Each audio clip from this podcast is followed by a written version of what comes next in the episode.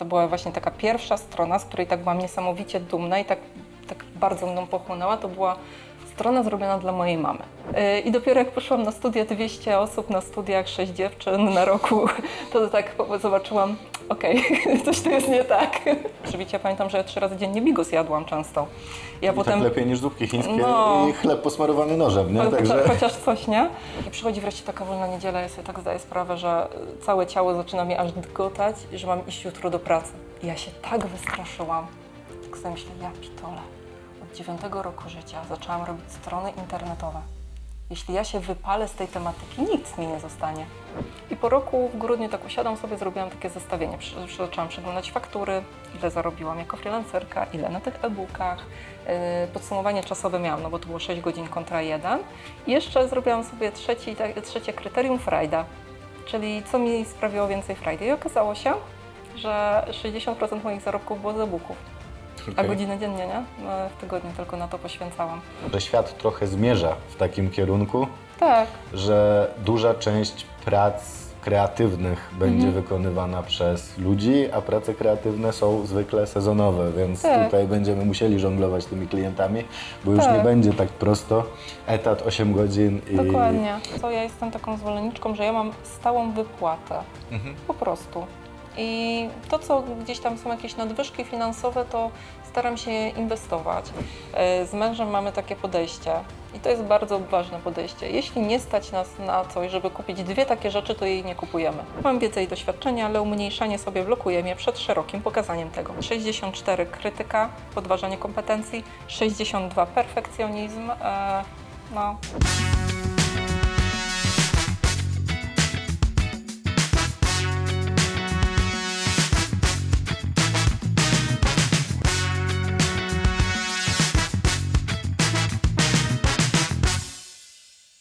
szkole nie uczyli mnie o pieniądzach. Ani o tym, jak je zarabiać, ani o tym, jak nimi zarządzać. Dorosłe życie pokazało mi jednak, że jest to jeden z najważniejszych tematów, z którym mamy do czynienia na co dzień. W związku z tym, zarabianie i zarządzanie finansami to jedne z najważniejszych kompetencji, jakich możemy nauczyć się w trakcie naszego życia. A ponieważ nikt nie uczy nas o tym na żadnym etapie edukacji, postanowiłem sam zająć się tą tematyką. W ramach kanału Sztuka Myślenia o Pieniądzach przybliżę Wam duże koszyki kompetencji, jakimi jest zarabianie i zarządzanie finansami na podstawie rozmów z niezliczoną ilością przedsiębiorców i ekspertów, zarówno w jednym, jak i w drugim zakresie. Jeżeli myślisz podobnie, kliknij subskrybuj i zostań ze mną na dłużej. Dzień dobry, cześć. Witam Was bardzo serdecznie na kanale Sztuka Myślenia o Pieniądzach. Ja nazywam się Mateusz Warmus, a moją i Waszą gościnią jest dzisiaj Ola Gościniak, witajcie. Olu, na samym starcie, e, generalnie wiem, że sporo osób Cię obserwuje w social mediach, jesteś bardzo aktywna online, ale dla osób, które nie wiedzą albo oglądają nas po raz pierwszy, jakbyś mogła dwa, trzy słowa o tym, co robisz na co dzień, czym się zajmujesz. Jasne. Witajcie serdecznie. Dosyć trudno jest powiedzieć, czym się zajmuję, bo jestem multiinstrumentalistką. E, Ale jakbym miała tak bardzo w skrócie powiedzieć, to uczę jak stworzyć własną stronę internetową, własny biznes online. E, Jestem autorką kursów online, książek, wykładowczynią akademicką. E, I działam w marce Jestem Interaktywna. Już teraz będzie ósmy rok, a własny biznes mam od 2012 roku. No to już kawał czasu za 11 lat, Tobą, no. kawał czasu za Tobą. E, A od tego 2012 roku, czym, czym się zaczęłaś wtedy zajmować? E, zaczęłam jako freelancerka, bo Okej. biznes za, e, założyłam zaraz po studiach. E, W czasie studiów pracowałam w różnych miejscach, także w branży, tworzyłam strony internetowe na zlecenie, e, ale je- jedyna rzecz, jaka najważniejsza wypłynęła z tych moich doświadczeń zawodowych jest taka, że absolutnie nie chcę pracować dla szefa. Okej. E, Także kiedy zakończyłam te studia, rzuciłam pracę, skończyłam studia, skończyłam też podyplomówkę, bo w jednym czasie wszystko naraz robiłam. I powiedziałam sobie, dobra, ostatnie w życiu trzymiesięczne wakacje sobie robię, zastanowię się co dalej. Mm, I podczas tych trzymiesięcznych wakacji dowiedziałam się o e, tak zwanych dotacjach na działalność gospodarczą z Urzędu Pracy. I tak sobie zdałam sprawę, o, przecież jestem bezrobotna, jak wszystko rzuciłam naraz. E, I ubiegałam się o dot- dotację, e, ubiegałam się w takim mniejszym mieście powiatowym. I okazało się, że oni tam z otwartymi rękami praktycznie wszystkim dawali te dotacje, bo nie mieli aż tak dużo e, w tamtych latach zgłoszeń. E, Także tak jak zło- złożyłam, e, złożyłam te papiery, to już 3 października, wiesz, a w cz- czerwcu skończyłam studia, pracę i tak dalej, no to już 3 października miałam założoną firmę i 15 tysięcy z Urzędu Pracy na koncie. Okej. E, Jak bardzo to pomogło wtedy? Yy, Wiesz co? Bardzo pomogło. Znaczy, absolutnie, no, teraz jak z perspektywy patrzę, czasu na to patrzę, bezsensowne rzeczy wydałam te pieniądze, Okej. ale pomogło to na mental. Miałam takie, wiesz, poczucie, dobra, nawet jak nie wyjdzie, to jestem do przodu na ten rok, bo tam są takie em, em, wymaganie, że ten, ta firma musi przez rok funkcjonować. Więc sobie tak zdałam sprawę, dobra, nawet jak mi przez rok nie wyjdzie, to ZUS-u płacę tyle, to i tak to jest mniej niż te 15 tysięcy, co dostałam, a zawsze potem można te rzeczy sprzedać. Więc to było takie, dało mi to odwagę, żeby założyć ten biznes, mimo że byłam młoda, no 24 lata miałam wtedy, nie? Więc y, no, o biznesie nie wiedziałam nic, no bo nie będziemy tutaj mówić o wiedzy z przedsiębiorczości z liceum jako wiedzę o biznesie, No jasne, to, to nawet nie ma e, co próbować o tym mówić, e, ale wiem, że samymi stronami zajmujesz się jeszcze dłużej, A, no to prawda. e, bo tu już zdążyliśmy chwilę w kuluarach Tak. porozmawiać, więc jakbyś mogła opowiedzieć trochę, jak wyglądała Mhm. ta twoja ścieżka edukacyjna, że dzisiaj możesz o sobie powiedzieć, że jesteś ekspertką, że Tak. uczysz kobiety i chyba nie tylko kobiety, Mhm. w jaki sposób można właśnie do online'u przechodzić.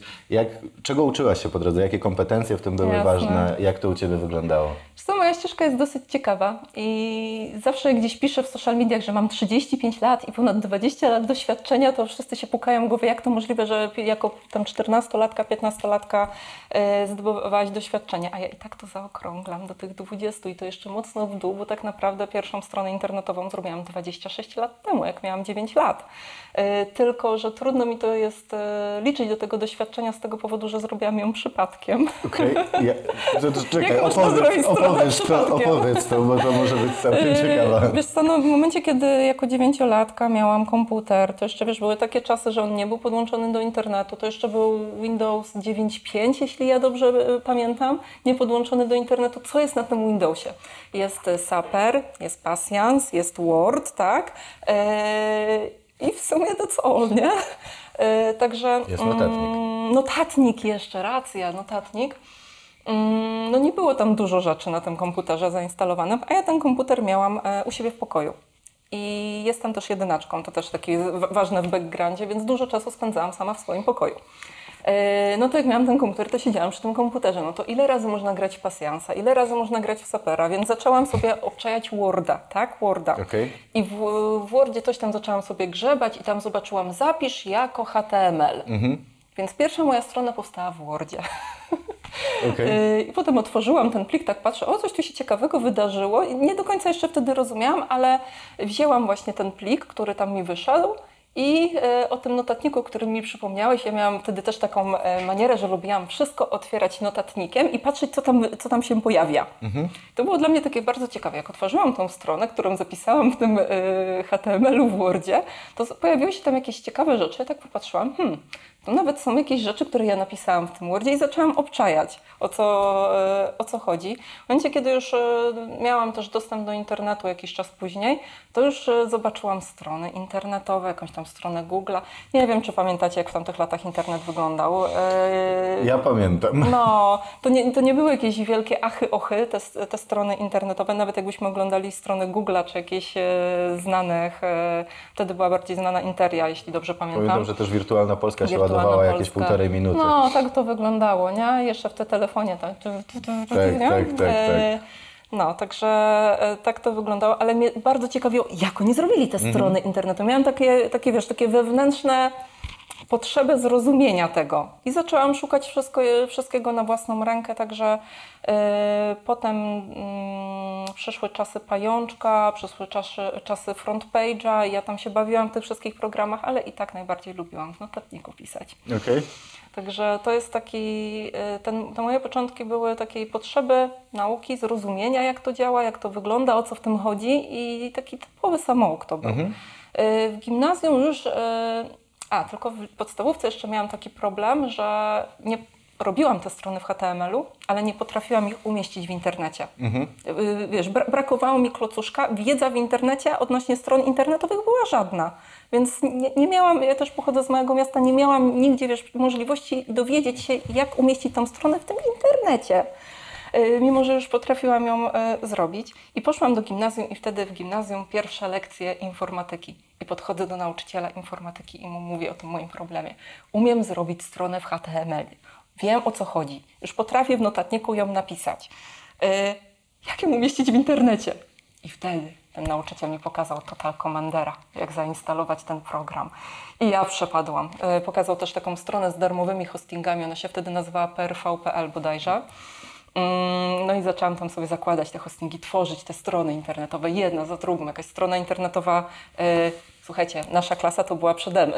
Zrobiłam nasze klasę przed naszą klasą, czyli robiłam takie strony swojej klasy, że tam kto jest, jakieś tam aktualności klasy, prowadziłam taką, y, taką stronę. Potem robiłam jakieś do swojego hobby, się wtedy fotografią też zaczynałam interesować. Więc jeszcze tam jakieś zdjęcia skanowałam, gdzieś tam rzucałam, coś tam. Potem robiłam stronę taka moja duma. To była właśnie taka pierwsza strona, z której tak byłam niesamowicie dumna i tak, tak bardzo mną pochłonęła. To była strona zrobiona dla mojej mamy. Moja mama w tamtych czasach się ubiegała o nauczyciela dyplomowanego.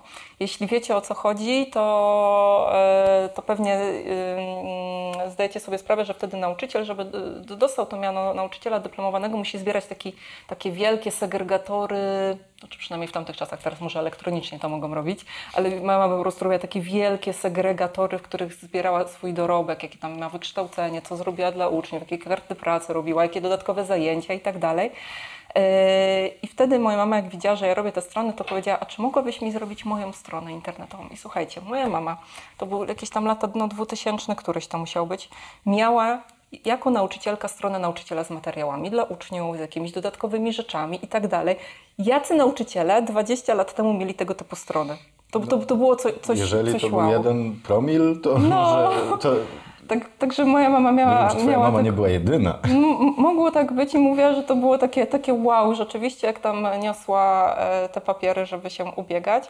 I ja byłam wtedy taka dumna, że to, co ja robię gdzieś tam, wiesz, po godzinach, może być czymś takim, Jezu, aż, aż za- zacznę ryczeć. Ale to było takie naprawdę dla mnie bardzo wzruszające i takie, tak czułam się bardzo doceniona, że kurde, fajnie by było pójść w tym kierunku, tylko problem był cały czas jeden malutki. Ja, ja pochodzę z małej miejscowości, ja nie zdawałam sobie sprawy, że jest taka praca jak twórca stron internetowych. Ja myślałam cały czas, że a, to taka, takie tam hobby. Nie? Yy, I nie sądziłam, że z tym będę wiązała przyszłość, więc jak szłam w ogóle do liceum, to składałam e, papiery na biochem. No bo wiesz, ja jestem z małej miejscowości, no to to jest normalne, jakie są, jakie są zawody. Matwiz E, jakie są lekarzem, można zostać nauczycielem, e, pilotem, no bo z wojskowej miejscowości jeszcze pochodzę. Więc no to są takie zawody, więc ta, takie miałam opcje. Matinf, matfiz, no przecież co potem można zrobić? No nic potem nie można robić. No i jadę składać te papiery, bo z mojego, mojej miejscowości jestem, to to liceum tam prawie 20 kilometrów jest i usiadłam sobie na schodach przed sekretariatem, żeby czekam w kolejce, żeby złożyć te papiery. Tak patrzę na to biochem. Kuźwa, przecież ty się krwi boisz, jakim ty lekarzem zostaniesz, nie? I wzięłam to biochem, przekreśliłam, od kogoś pożyczyłam w ogóle długopis, przekreśliłam na matinf i zaniosłam. Wracam do domu, mówię mamie, wiesz co mama? A mama, wiesz, biologii uczy, więc dla niej to takie biochem to było też ważne. nie? Jasne. Wiesz co, mama jednak na matinf złożyłam. Ona, dobrze, jest okej. Wiem, wiem, że lubisz e, tą tematykę. Także no to był taki, ja to nazywam przebłyskiem intuicji, że tak y, zamiast, wiesz, rozumem, że rozum, biochem, lekarz, że to takie, mm, takie sensowne, nie? Takie, taki po, poważny, dobry wybór, to poszłam na ten mat-inf i tak cały czas się śmiałam, że Boże, co ja potem ro- będę robić? Więc hobbystycznie będę siedziała w domu strony robiła. No, ja ciągle nie wiedziałam, że jest praca. To, Okej. to, to, to jest... Ja wiem, że teraz już jest zupełnie inna świadomość. Teraz już, wiesz, programiści dużo zarabiają. E, Ja nie wiedziałam takich rzeczy. Ja nie znałam żadnego informatyka, żadnego pro programista. Ja nawet nie wiedziałam, że coś takiego jest. No wtedy to No, akurat... no to było, no to było dawno temu. No i też mało ludzi w ogóle się zajmowało tego typu rzeczami, no bo to były początki gdzieś tam internetu Tak. i, i tych aplikacji wszystkich.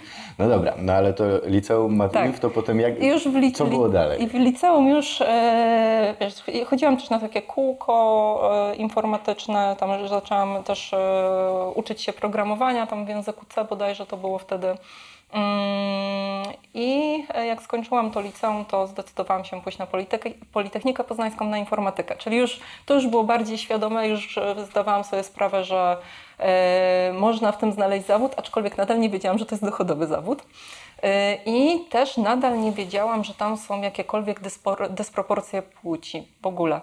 E, Bo wiesz, małe miasto, no jeden nauczyciel informatyki jest mężczyzną, reszta nauczycielek jest kobietami. No, statystyka, nie? E, I dopiero jak poszłam na studia, 200 osób na studiach, 6 dziewczyn na roku, to tak zobaczyłam, okej, coś tu jest nie tak. Czegoś, czegoś, To- nie, czegoś nie rozumiem do końca. Tak, tak, czegoś do końca nie rozumiem. I pierwszy rok był dla mnie trudny. Mimo, że wiesz co, ja e, zawsze bardzo dobrze się uczyłam. E, Niektórzy pejoratywnie też nazywali mnie, wiesz, kujonką. No to na studiach miałam tam, e, na maturze miałam 90% z matmy rozszerzonej, tam 80 około z fizyki rozszerzonej, no to to były e, dosyć dobre wyniki. Mm, No, no, bardzo dobre wyniki. Pamiętam, że moja fizyczka e, z liceum, jak wychodziłam, wiesz, odbierać te wyniki, to sama stała na korytarzu i czekała, bo wiedziała, że jestem jej taką jedną z lepszych uczennic i czekała na korytarzu, że aż ja wyjdę i zobaczę, jak powiedziała mi, że mam 80%, to ona zaczęła mnie całować na korytarzu. Wiedziałam, że mnie nie zawiedziesz. Więc to, to były naprawdę, jak na moje liceum, bardzo dobre e, wyniki. Natomiast e, na studia, jak aplikowałam, to ja byłam w połowie listy. Większość, e, większość osób to byli, wiesz, olimpijczycy, którzy po prostu wchodzili z automatu z pełną liczbą e, Punktów. punktów. Więc na pierwszym roku ja się ledwo utrzymałam. Ja w ogóle nie wiedziałam, o co chodzi. E, a o, tak jak potem rozmawiałam z niektórymi osobami, no to mówili, że to, co było na pierwszym roku, to była dla nich powtórka z liceum. I w ogóle ża- żaden problem, luzik, wszystko już mieliśmy przez trzy lata wałkowane. E, Także ten pierwszy rok był trudny, ale nadrabiałam. Du- dużo nadrabiałam. Koniec końców e, e, studia też z notą A+, skończyłam, czyli to jest chyba tam 5+, plus, czy tam no jakoś tak jakby e, to zmieniać, więc no, przez te 5 lat bardzo trudno pracowałam, ale nadrobiłam i w czasie studiów też pracowałam w różnych miejscach. Także no zobacz, moja ścieżka wydaje się, że jest dosyć spójna, ale ja nigdy nie myślałam, że będzie mnie prowadziła w takim miejscu, jakim jestem teraz. Yy, Dopiero na studiach zdałam sobie sprawę, że przypadkiem trafiłam na bardzo dochodową i ważną tematykę. Okej, ale wspomniałeś, że w trakcie studiów też pracowałaś. Mhm. To były prace też związane w jakiś sposób z IT? Wiesz co, na pierwszym roku nie, bo na pierwszym roku pracowałam w multikinie, w magazynach, jakiś tam H&M i tak dalej, takie, żeby po prostu się utrzymać w mieście, e, bo Jasne. też nie miałam dużych e, możliwości finansowych. Bo miałam tam od mojej mamy około tam 700 zł miesięcznie, gdzie tam wiesz, większość szła na, na mieszkanie, e, na e, MPK, na telefon, wiesz, na takie podstawowe i w sumie stuwa mi zostawała, żeby się wyżywić. Więc no, byłam słoikiem, który woził, aha, przepraszam, i stuwa jeszcze była na e, pociągi do domu. E, więc e, no, woziłam jedzenie, żeby jakkolwiek się wyżywić. Ja pamiętam, że ja trzy razy dziennie bigos jadłam często. Ja I tak lepiej niż zupki chińskie No. i chleb posmarowany nożem, nie? Cho- Chociaż coś, nie? E, ale no to było ty, e, o tyle trudne, że, to, że potem przez 10 lat bigosu nie mogłam zjeść. Dopiero dwa lata temu zaczęłam go z powrotem jeść. E, więc no wiesz, to no, no były takie prace, żeby w ogóle się utrzymać jakkolwiek. I dopiero mm, jakoś na przełomie chyba drugiego, trzeciego roku albo pierwszego, drugiego, musiałabym sobie przypomnieć, ale wydaje mi się, że to był drugi rok, kiedy zaczęłam w branży pracować. Był taki przyuczelniany projekt, gdzie pisaliśmy oprogramowanie dla polskich szpitali. I to była, wiesz, taka pierwsza fajna praca, dobrze płatna e, i też przez to, że był przyuczelniany projekt, to mogłam gdzieś na okienkach pracować między zajęciami, bo to było wszystko Blisko. na miejscu, blisko. E, I tak pracowałam chyba jakieś około dwóch lat tamtej firmie. No to tam ca- całkiem chwilę już i Tak. rozumiem, że tam takie pierwsze szlify zawodowe już typowo Tak. w IT się pojawiły. Tak, tak, tak. Pracowałam tam jako frontend i backend deweloperka już. Okej. No dobra, no czyli później po studiach, e, po skończeniu tutaj pracy stwierdziłaś idę na swoje. Tak. No i co dalej? Oj, oj. Mm, co dalej? E, Pierwsze półtora roku pracowałam e, takie wiesz B2B, bo niby na ca- cały etat, ale jako to, to jest Ale w ogóle to jest e, ciekawa rzecz, bo pracowałam jako początkujący grafik. Okej.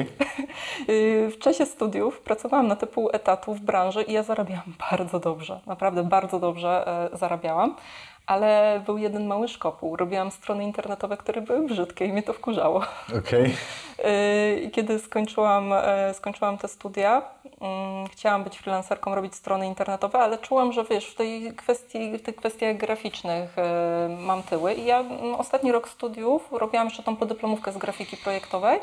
I tam e, spotkałam osobę, która e, prowadziła agencję, agencję reklamową i się zatrudniłam u nich na te półtora roku. Słuchaj, na taką stawkę, że jak e, opłacałam ZUS i wszystko, to praktycznie no można było te półtora roku potraktować jako Bezpłatny staż. bezpłatny staż. Okej. No, ale tak to traktowałam właśnie, że przez te półtora roku wyciągałam na maksa z tego, jak mogę te swoje strony internetowe robić dobrze, ładnie i żeby to wyglądało, więc y, w przeciwieństwie do moich e, kolegów ze studiów, którzy niektórzy wylądowali gdzieś, wiesz, w Stanach, w Microsoftie, gdzieś w Google i tak dalej, bo Politechnika, e, informatyka na Politechnice w Poznaniu jest naprawdę dobra, więc tutaj specjalnie nawet przyjeżdżałem z takich dużych firm, żeby rekrutować nas. E, A ja powiedziałam nie i prawie za darmo pracowałam półtora roku. Mm, Ale wiesz co? To było ważne półtora roku, bo po pierwsze, wiesz, uczyło to wszystko pokory, yy, nauczyło mnie też dużo i też yy, było ważne do tego, żeby rzeczywiście jako freelancerka potem te strony internetowe robić fajnie i dobrze. Czyli tutaj po prostu te pierwsze półtorej roku poświęciłaś bardziej na to, żeby się doedukować w tym zakresie, Tak. w którym wiedziałaś, że no trochę jeszcze jest tych tyłów, Tak. niż na to, żeby od razu zacząć jakąś turbokarierę i Tak, nie wiadomo tak. Jakie co, ja, zarobki. ja wtedy już e, też zaręczyłam się e, z moim chłopakiem wczesnym, teraz już mę- mężem, który zresztą na roku się pozna, poznaliśmy. I też dyskutowałam z moją mamą i moja mama też mi powiedziała, no słuchaj, jeśli będę miała dokładnie tak samo finansowo cię jeszcze wspierać jak na studiach e, przez tam kolejny rok, dwa, to w ogóle nie ma problemu. Kiedy masz spróbować, jak nie teraz? Co po tym, jak będą dzieci, rodzina i w ogóle większe zobowiązania? Lepiej teraz e, zobaczyć, co z tego będzie. Mama na szczęście nie musiała mi dokładać, dawałam sobie, e, dawałam sobie radę. E, No i wiesz, no to 8 godzin pracowałam w tej agencji reklamowej, a po godzinach robiłam strony dla klientów, żeby się utrzymać. Okej, No. czyli było tam więcej pracy niż 8 Tak, godzin było tam dziennie. więcej pracy stanowczo. Piątki wyglądały tak, że gdzieś tam z narzeczonym chcieliśmy wyjść e, na miasto. Ja pamiętam, że jeszcze taką szafę z ciuchami miałam taką, e, wiesz, przy podłodze, że tam otwierało się, żeby ciuchy znaleźć, bo tam chwilę jeszcze z teściową mieszkaliśmy. E, jak wybierałam te ciuchy, to narzeczony wracał do pokoju, a okazywało się, że ja śpię na dywanie, nie? Okej. czyli, czyli było tam tego poświęcenia i No, zaangażowania było, bardzo było. dużo. Ale było warto. To, to, było, to, była, to była świadoma decyzja. I wiem, że wiesz, mogłam inaczej, ale nie chciałam. Ja tak lubiłam pod prąd. Okej, to tak z ciekawości, jak zaraz po studiach gdzieś pracowałaś już w tej Mhm. agencji reklamowej, e, marketingowej, a jednocześnie robiłaś dla klientów stronę, Mhm. gdzie wtedy pozyskiwałaś klientów? Jak to wyglądało? I jak w ogóle pod, podeszłaś do tego na samym starcie, bo to zwykle jest najtrudniejsze w Mhm. Tak. otwarciu działalności, jest znaleźć później pierwszych klientów. Mhm. Jak, to, jak, skąd oni się wzięli? przy otwarciu działalności, wiesz co jest najtrudniejsze?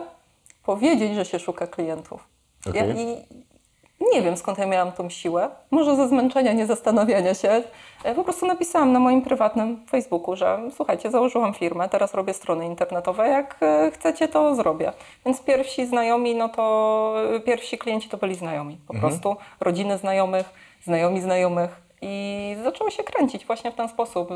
Miałam wiesz, pierwsze strony, które mogłam do portfolio dołożyć. E, Strona zaczynała się sama pozycjonować też. I tak w ten sposób e, coraz więcej klientów e, przychodziło. I tak funkcjonowałam jako freelancerka. Okej, no zakładam, że dzisiaj nie pracujesz już po 16 godzin dziennie, więc e, pytanie, jak u Ciebie wyglądał ten proces, jak on przebiegał? To znaczy, w którym momencie dotarłaś do tego etapu, gdzie już mogłaś powiedzieć, dobra, mogę trochę wolniej. Kiedy już odeszłam z tej agencji, byłam tylko, e, tylko freelancerką. Tak sobie myślałam, Boże, ile teraz będę miała czasu, tyle stron zrobię, nie? Cudownie. E, Tylko, że zaczęłam, wiesz, powielać schematy, do których przywykłam, czyli pracę od rana do wieczora. E, no i e, wyglądało to tak, że e, wiesz, po prostu robiłam tych stron dużo i zaczęły do mnie przychodzić wiadomości mailowe od kobiet, których nie było stać, żeby mnie zatrudnić. I Okej. większość z nich od razu w tej wiadomości, wiesz, pisała, przepraszam, wiesz, z takimi w ogóle, ale że u mnie jest taka sytuacja, zaczęły opowiadać o tej swojej sytuacji. To, większość z nich była młodymi mamami, że siedzi z tym maluchem, ale już wie, że nie będzie mogła wrócić na ten pełen etat do pracy, bo ma gdzieś tam wysoko jakiegoś e, hajnida na przykład, albo że w ogóle nie ma żadnych własnych finansów, że finansami mąż e, zarządza, że w ogóle no, chciałaby mieć coś swojego, albo że pracowały tyle lat w tych korporacji, już po prostu nie mogą wyrobić, chcą coś swojego, chciałyby założyć biznes dotyczący szydełkowania na przykład. I miałam takie, wiesz, mnóstwo takich poruszających historii. I problem polegał na tym, że nie potrafiłam tych dziewczyn e, z kwitkiem odesłać. Więc wiesz, robiłam strony internetowe dla klientów, a po godzinach robiłam strony pro bono dla dziewczyn, których historie mnie poruszyły. No, także e, tak pracowałam znowu jakieś półtora roku. E, I nagle przychodzi taka niedziela, wiesz, ja pracuję piątek, świątek, mnóstwo e, tej pracy. Przychodzi taka niedziela, od poniedziałku mam wrócić, niedziela, wreszcie wolna niedziela, może tak nazwijmy, bo to też nie, nie, nie była e, codzienność, żeby niedziele i weekendy były u mnie wolne, no bo też pracowałam. I przychodzi wreszcie taka wolna niedziela, ja sobie tak zdaję sprawę, że całe ciało zaczyna mi aż dgotać, że mam iść jutro do pracy. I ja się tak wystraszyłam. Tak sobie myślę, ja pitole. Od dziewiątego roku życia zaczęłam robić strony internetowe. Jeśli ja się wypalę z tej tematyki, nic mi nie zostanie. Ja się tak cholernie wystraszyłam, że wtedy zdałam sobie sprawę, że tak być nie może i coś trzeba tutaj pozmieniać. I wtedy właśnie wpadłam na ten genialny pomysł. Kurczaki, przecież WordPress jest taki prosty, przecież te laski mogą sobie same zrobić tą stronę. Ja im tylko pokażę jak. I wtedy e, pojawił się pomysł na Jestem Interaktywna, na to, żeby założyć bloga, kursy online, to czy może wtedy nie kursy, bo bardzo bałam się nagrywania wideo, ale e-booki, jakieś wiesz, szkolenia z tego WordPressa, żeby hurtowo, powiedzmy takie 10 dziewczyn obskoczyć, pokazać im i one same wyklikają, a ja nie będę zarywała nocek. Mm, I to był właśnie też taki moment y, przełomowy u mnie, bo to był y, taki pierwszy rok, kiedy założyłam tego bloga w ciągu roku mm, i, zdecydowałam, że będę pracowała 6 godzin jako freelancerka i godzinę dziennie właśnie nad tym blogiem jestem interaktywna i tymi wszystkimi materiałami. I przez rok tak funkcjonowałam. W czasie tego roku wydałam dwa e-booki. Jeden o WordPressie, drugi o SEO w WordPressie. I po roku w grudniu tak usiadłam sobie, zrobiłam takie zestawienie. Zaczęłam przeglądać faktury, ile zarobiłam jako freelancerka, ile na tych e-bookach. Yy, Podsumowanie czasowe miałam, no bo to było 6 godzin kontra 1. I jeszcze zrobiłam sobie trzeci, trzecie kryterium frajda, czyli co mi sprawiło więcej frajdy. I okazało się, że 60% moich zarobków było z e-booków. A Okej. godzinę dziennie, nie? E, W tygodniu tylko na to poświęcałam. I znacznie więcej frajdy mi to przyniosło. I zdecydowałam się zacząć wygaszać moją działalność freelancerki. Tak sobie pomyślałam, Boże, jak ja będę 6 godzin dziennie dawać na e-booki, na tego, jestem interaktywna, to jak to będzie wyglądało dobrze? Yy, I ja tam jeszcze przez pół roku wygaszałam, bo miałam klientów zakontraktowanych Jasne. tam na pół roku do przodu. Yy, Bo bardzo dobrze mi jako freelancerka szło, mm, nie miałam problemów e, z klientami. E, No i tak zaczęłam wygaszać i okazało się, że to był strzał w dziesiątkę. Pierwszy mój pomysł na Jestem Interaktywną był taki, żeby opłacały, sprzedaż e-booków opłacała mi ZUS. Takie 1000 zł Okej. wtedy tego ZUS-u była. E, także e, pierwszy pomysł był taki, ale żeby pomyśleć, że ja w tej chwili będę setki tysięcy złotych rocznie miała z tego, z tego projektu, to w ogóle jest coś nie do pomyślenia. No. Okej. W ogóle nie taki był zamysł. Kiedy to się zaczęło wszystko? Czyli kiedy to był ten moment, kiedy zaczęłaś Bloga pracować nad zaczęłam- Jestem Interaktywna? E, Bloga zaczęłam 2015 grudzień. Okej, czyli tak naprawdę po trzech latach od założenia działalności. Tak? Dobrze liczę. Tak, tylko że pomysł był wcześniej, dwa lata wcześniej, ale założy, tak, tak już ten, wiesz, ten moment taki kryzysowy, kluczowy, że Boże, robię to, to właśnie był taki, kiedy się tak wystraszyłam. Jak dzisiaj wygląda Twoja praca na co dzień? A. W ostatnich latach bardzo się zmieniała, bo też e, zostałam mamą E, I e, na przykład jeden rok, 2019, przez rok praktycznie w ogóle nie pracowałam, bo byłam zresztą w zagrożonej ciąży byłam. Ja leżałam e, praktycznie cały rok. Agusię też e, urodziłam w siódmym miesiącu ciąży, więc no wcześniej, jak du, du, wiele tygodni w szpitalu spędziliśmy i słuchaj, no ja przez rok nie pracowałam. Miałam, byłam tylko ja i jedna wirtualna asystentka. Mm, I ona po prostu odgrzewała kotlety w social mediach, ale z Google'a. 20 tysięcy osób miesięcznie wchodziło na moją stronę i ja wtedy wiedziałam, jak sytuacja będzie wyglądała. Wyłączyłam ten mój kurs, moją akademię WordPressa z sprzedaży w formie kampanii, tylko wło- włożyłam w sprzedaż ciągłą. E, No i słuchaj, ile miałam wtedy? 300 tysięcy przychodu e, przez cały rok, w którym nie pracowałam. No i to się nazywa automatyzacja. To było 2,19 i mi się po prostu nie opłacało iść na L4. Mi się nie opłacało. Ym, Jedyne, co ja pracowałam wtedy w ciągu miesiąca, no to było zebranie takich faktur kosztowych, wiesz, automatycznych i wysłanie do księgowej potem je, jedna chwila, żeby te dwa przelewy, trzy, bo tam ZUS podat i, i dwa podatkowe zrobić. Chyba jeszcze nie spotkałem osoby, której na działalności by się opłacało iść na L4. Także Miałam, byłam, byłam tam w czasie ciąży, byłam e, chyba miesiąc, mm, nie pamiętam dokładnie, kilka tygodni byłam na L4, ale dlatego, że jeszcze tam w trakcie ciąży trafiłam do szpitala i szpital jakoś z automatu Wystawił. wystawił mi to L4 i musiałam tam kombi kombinować, e, żeby wszystko było e, zgodnie z prawem. no, No, trzeba było tam chyba sprzedaż, wyłączałam koniec końców w tym sklepie na ten czas, ale Jakby co zupełnie to było nieopłacalne, bo 300 zł z tego dostałam z ZUS-u. dlatego właśnie nie znam nikogo prawie, kto by był na L4 na działalności, bo jedyny No. plus jest taki, że za te dni nie płacisz tego ZUS-u, plus dostajesz jakiś tam śmieszny zwrot, Tak, nie wiem, tak. 5 dych czy 100 zł dziennie. Także Bez sensu e, tak się trochę cofnęłam w czasie, ale dlatego, że wiesz co, to, co, to, co się działo później jest bardzo istotne.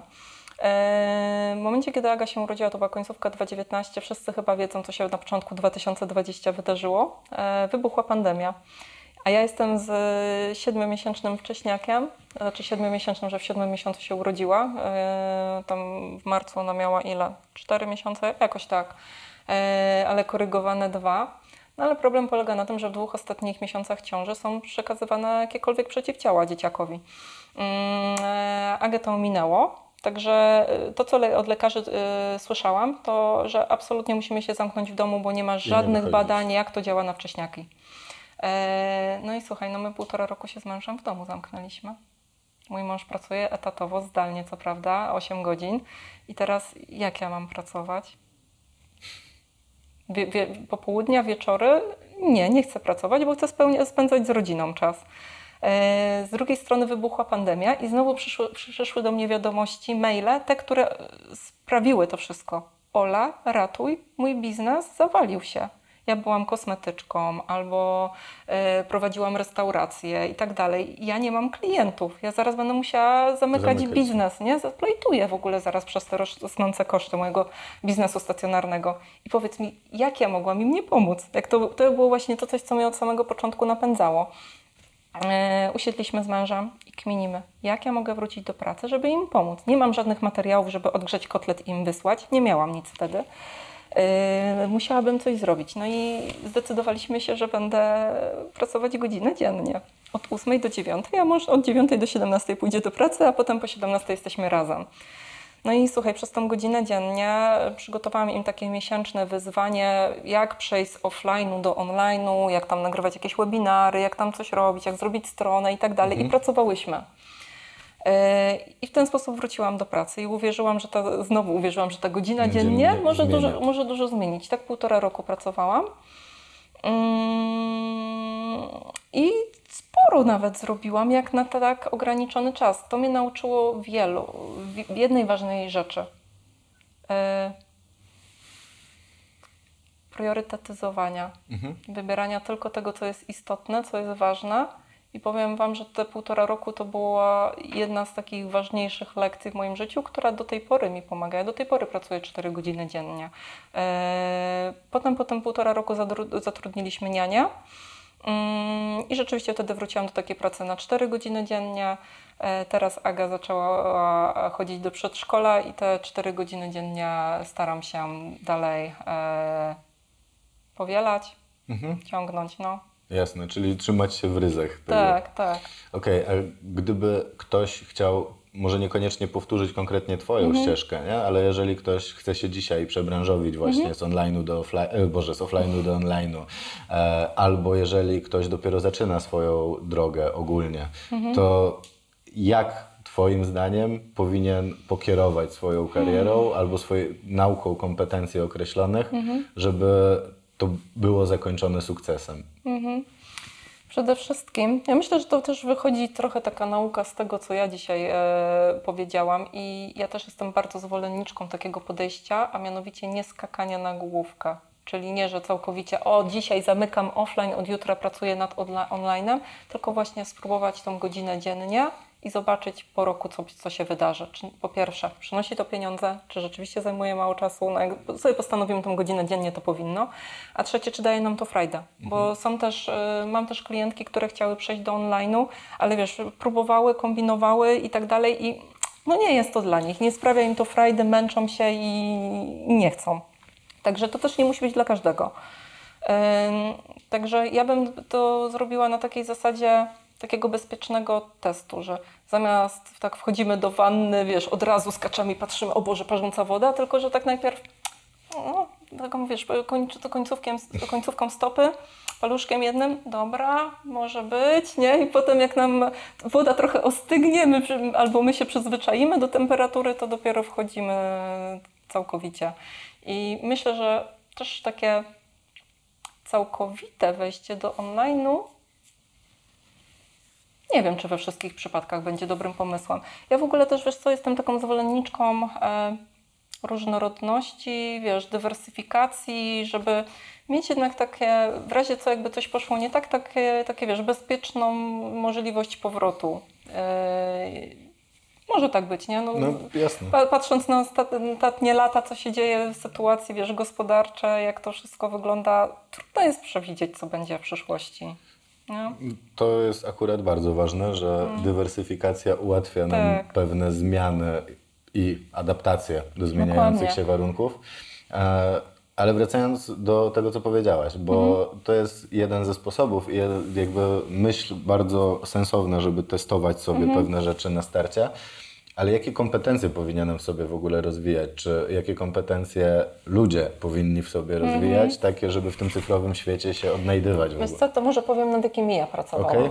E, u mnie przede wszystkim te 8 lat to było, mm, tak jak powiedziałam, to nie skakanie na główkę, ale też ja nie jestem osobą, nie jestem osobą stworzoną do online'u.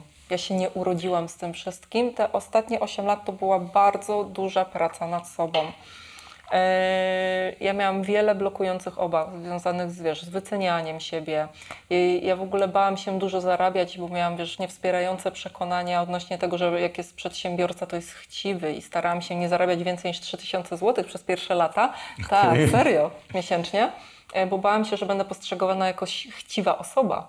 Więc e, przede wszystkim, ja nie wiem, czy bym się skupiała na kompetencjach, czy tylko na Mentalu. mentalu, na poznaniu siebie i świadomości gdzieś tam, co nas blokuje, co powstrzymuje, żeby pójść e, dalej. E, Mnie na przykład powst- powstrzymywało też nagrywanie wideo.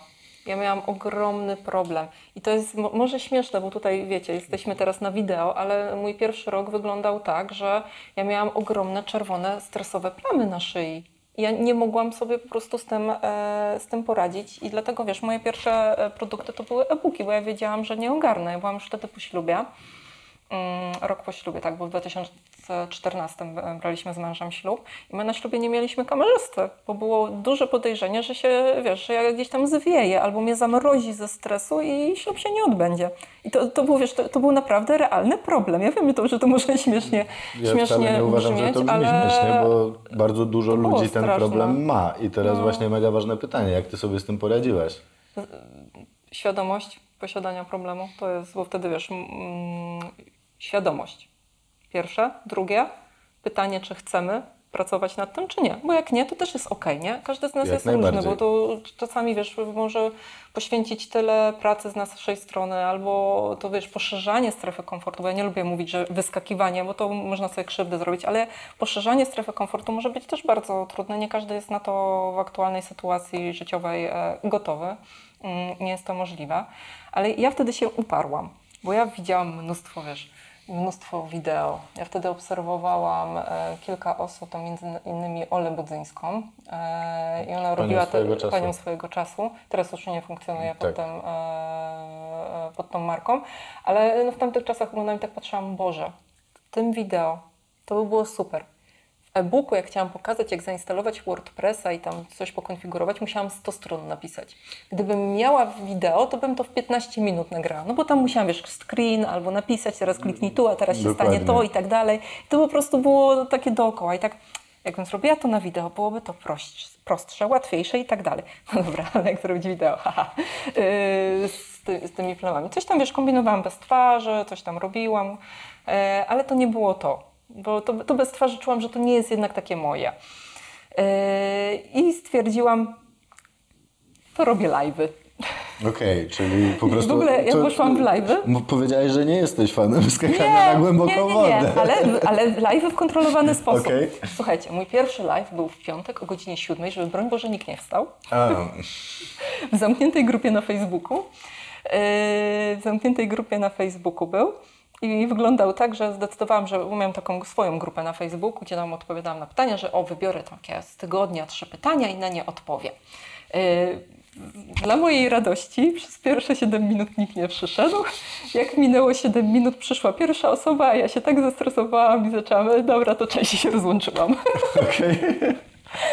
Ale wiesz co, i tak co tydzień robiłam krótki, 15-minutowy live, gdzie odpowiadam na pytanie, przygotowuję się, żebym wiedziała, co mam powiedzieć.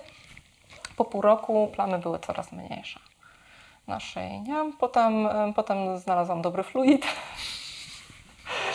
E, A po roku już e, praktycznie w ogóle nie miałam tych plam. Przestałam też mieć, jak nagrywałam wideo, taką ściśniętą szczękę, bo mi w sz- sz- w szczęce się kumulowały emocje.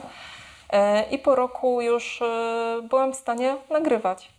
Może nie bez jakiegokolwiek problemu. Słuchaj, no, do tej pory plamy stresowe potrafią u mnie wrócić. Ostatni raz wróciły jakieś półtora roku temu, jeśli dobrze pamiętam, bo to była też taka sytuacja stresowa. Miałam live'a i 5 minut przed live'em prąd mi wyłączyli. Yy, więc wiesz, ja kombinuję, dobra, to co mam zrobić na telefonie, dobra, na telefonie, na mobil, mobilnym internecie, no nie będzie prezentacji, no ale jakoś wygadam coś tam. No i się połączyłam, zrobiłam tego live'a, ale jak się, wiesz, połączyłam, taka było mi gorąco, patrzę, patrzę, no są plamy. Tylko, wiesz, co jest teraz istotne? Teraz wszyscy wiedzą, że ja mam te plamy. I w momencie, jak one są, to ja nie próbuję się kitrać, że nie widać, Boże, nie, żeby nie pomyśleli, że ja nie potrafię nagrywać, tylko o, zobaczcie, jestem zestresowana, wyszły mi plamy. I one momentalnie znikają. To Nie? też jest ważne w kontroli nad stresem. Tak, czyli, nie wypieramy tych naszych obaw, Dokładnie. nie wypieramy tych naszych blokad, akceptujemy je, nawet możemy się przyznawać do nich. I wtedy jest, wiesz, traktujemy to jako część siebie i znacznie łatwiej okazuje się, że opanować to po prostu. Dodatkowo jesteśmy też wtedy bardziej prawdziwi i No. jakoś lepiej się to odbiera generalnie. Tak, tak, takie mam wrażenie przynajmniej. To jakby z takich właśnie case'ów podobnych też ostatnio gdzieś prowadziłem szkolenia. Pierwsze na żywo od Mhm. chyba trzech lat. No, na pewno od tych pandemicznych Mhm. czasów. Też pierwsze co powiedziałem, słuchajcie, ja tutaj jakby od trzech lat wszystko co prowadzę, to prowadzę w formie online, także ja potrzebuję chwilę, żeby najpierw dojść do siebie. Potem możemy dalej prowadzić i gadać. No. Ale I to jest też- takie... Wiesz co, to, to jest o tyle istotne, że my wtedy dostajemy, wiesz, takie, czy to jak to jest w online, to wiesz, milion serduszek ze Tak, wsparciem, tak, tak, tak. a jak tak w offline, to wiesz, te osoby jeszcze ci zaczną klaskać, że tak, dasz radę i w No. ogóle. I jest jedna bardzo istotna rzecz. Zdajemy sobie nagle sprawę, że najmniej wyrozumiali dla nas to jesteśmy sami, nie? Sami dla siebie. I ten nasz wewnętrzny krytyk. Tak, yy, w tym roku prowadziłam w czerwcu konferencję online. Na 700 y, osób była. Y, Trzeci dzień konferencji, kilkaset osób, wiesz, na streamie jest i tak dalej. I nagle się mi OBS Studio y, zawiesiło, nie nadaje. Ja byłam tak zestresowana, wiesz, zaczęłam latać w tej we na czacie wszyscy, nie działa, u was też nie działa, u mnie nie działa, nic nie widać, nie, i w ogóle się tam, wiesz, nakręcają i tak dalej. Ja tylko, wiesz, trzęsącymi rękami napisałam, że mamy problemy techniczne, poczekajcie i w ogóle. I nagle, nagle, wiesz, jedna osoba tam napisała, już nie, nie, nie dopytujcie, czemu nie działa, pomyślcie, że Ola ma właśnie mikrozawał, nie? I na, nagle, jak wiesz, ta osoba to napisała, to wiesz, milion serc tam idzie, że dacie radę, bo tam, jeszcze tam mój mąż zaczął e, mnie wspierać, bo my pracujemy tak biurko w biurko e, w domowym biurze. E, no i ogarnęliśmy, ale to było najbardziej stresujące 9 minut w tym roku. Domyślam się, że mogło być, zwłaszcza przy No. też takiej ekipie, która oglądała. Tak, tak, do, było, było naprawdę dużo. No i wiesz, no też była konferencja płatna i to nie, e, no nie mało. Więc też jeszcze taka presja, wiesz, że, żeby te produkty były takie dopracowane. No, perfekcjonizm potrafi wiele osób blokować. Ale to jest też bardzo ważny wniosek, który tutaj płynie z tego, że generalnie bardzo często mamy takie kompetencje, nad którymi, nad którymi nawet chcemy pracować, Tak. ale my się bardzo szybko zniechęcamy. Czyli wiesz, większość osób zrobiłaby może jednego tego live'a, może Tak, dwa uciekłaby i by dużo. uciekła. No. I teraz pytanie, jak bardzo my chcemy to robić i jak bardzo ten priorytet temu. Dokładnie. nadamy. To, to, to jest to, co powiedziałam nie? na początku, że zdajemy sobie sprawę, a drugie, czy chcemy nad tym pracować. Dokładnie. Musi, wiesz, dlaczego jest to, to pytanie ważne? Bo jeśli właśnie znajdziemy to takie swoje, wiesz, dlaczego my chcemy nad tym pracować, czy chcemy, to wtedy łatwiej nam się nie poddać. A jeśli tak w ogóle nie zadamy sobie tego pytania, a dobra, spróbuję tylko i nie wyjdzie, to o Boże, nie wyszło, czyli już stracone. A ja miałam to, ja miałam to, wiesz, tą mocną motywację. To wiedziałam, że to ułatwi, pomoże, mi ułatwi przygotowanie materiałów, innym pomoże robienie tych stron i ja się po prostu uparłam, że ja to zrobię powoli, dałam sobie rok. To nie było tak, że jutro muszę już, wiesz, taką presję, że o Boże, nie udało mi się jutro, to już w ogóle się nie uda, nie? Tylko sobie dałam, rok będę nad tym pracowała.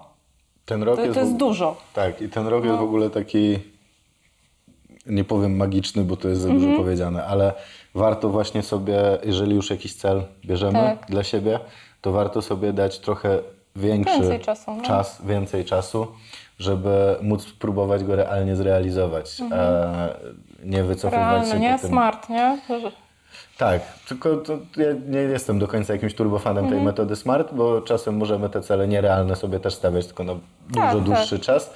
E, Ale, ale bardzo fajnie, że to wybrzmiało, Mhm. że warto sobie dać Tak. więcej czasu i Be, po bez prostu... presji. Mi też wiesz, co pomaga? Traktowanie wszystkiego na zasadzie testowania. Czyli wiesz, mm, dałam sobie ten czas, że przez ten rok będę pracowała na wideo i że w grudniu wrócę i się zastanowię, czy chcę w tym iść, ale przez rok będę szła konsekwentnie. I to też była dla mnie taka presja, że wiesz, że to nie jest już na zawsze, że już na zawsze będę musiała być w tym wideo, tylko że mam właśnie to mnie, to ta stopa w tej wannie, nie? Że mogę ją wyjąć. Daję sobie prawo do tego, żeby ją wyjąć i mi to, mi to pomaga, bo zmniejsza tą presję. Nie? I myślę, że to jest fa- fajna opcja. Ja na przykład teraz mam z kolei rok e, wychodzenia, znowu takiego poszerzania strefy komfortu. Dałam sobie rok na takie działania różne PR-owe. Zatrudniłam PR menadżerkę, gdzieś tam więcej jest mnie w różnych mediach, czy tam w jakiejś gazecie wyborczej, w Onecie, w Interii, po prostu w różnych mediach jestem. No i to jest ogromne, y, o, ogromne wyzwanie dla mnie, ale znowu mam już takie poczucie, dobra, w grudniu tu wrócę, zastanowię się, jeśli mi się to nie podobało, to po prostu od stycznia rezygnuję z tego. I też mi to daje takie, wiesz, w trudnych momentach, no bo przez to też, że trochę wychodzę, no dobra, nie trochę, mocno wychodzę poza tą swoją banieczkę, no to pojawiają się różne komentarze, zwłaszcza od osób, które nie są z branży, albo no też różną mają sytuację e, życiową, no więc te komentarze no bywają różne, zwłaszcza wiesz, na różnych tego typu portalach.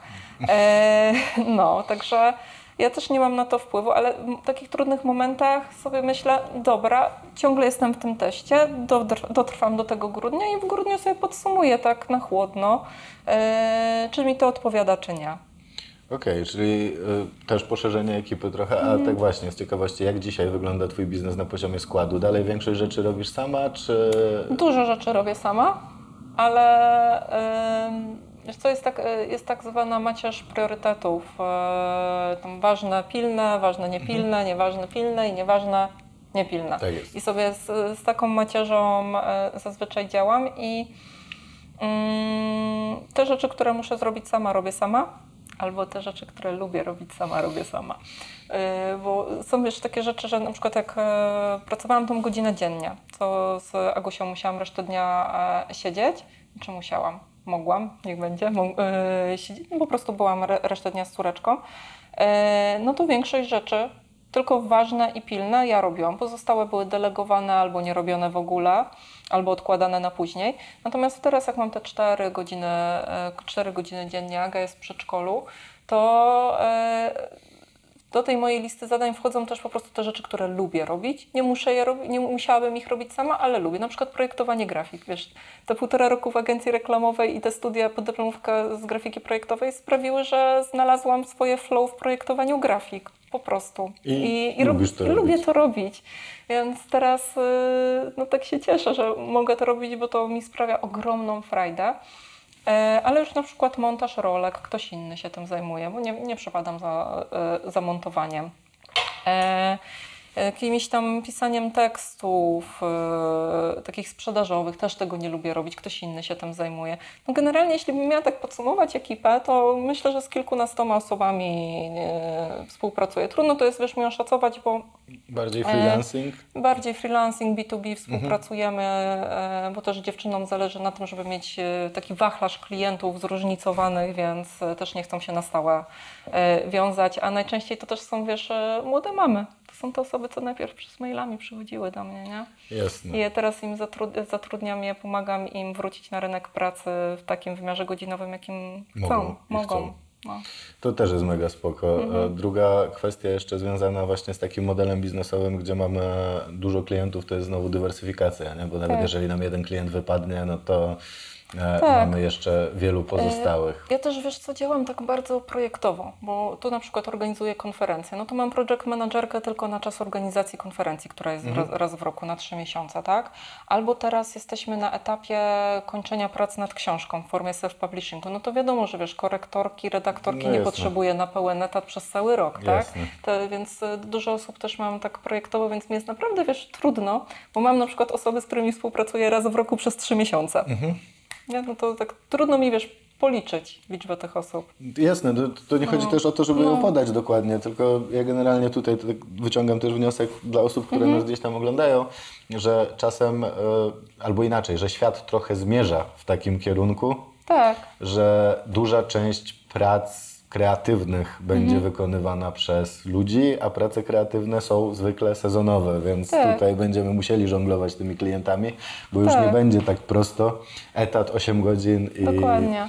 E, To, co jest dla mnie istotne przy takich współpracach, że zazwyczaj, wiesz, jak wiem, że będzie jakiś projekt, to już z takim kwartalnym przynajmniej z wyprzedzeniem staram się bukować, wiesz, tej osobie, żeby ona sobie już w kalendarzu zabukowała, że wtedy będziemy współpracować, żeby to też było dla niej wygodne, ale też takim, jakby to powiedzieć, dawało spokój, że będzie jakaś tam praca za jakiś czas, nie? Jasne. Więc To, to też jest No. fajne. Przy czym e, tutaj nie wiem, jak to wygląda u innych freelancerów, Mhm. ale też zdarzało mi się rozmawiać, że przy takich dłuższych terminach potem klienci wypadają często jednak Mhm. mimo wszystko, nie? że no za trzy miesiące będziemy coś potrzebować, A, a i jednak nie ma. jednak e, Mhm. nie ma, bo to też zależy z kim współpracujesz, e, wszystko.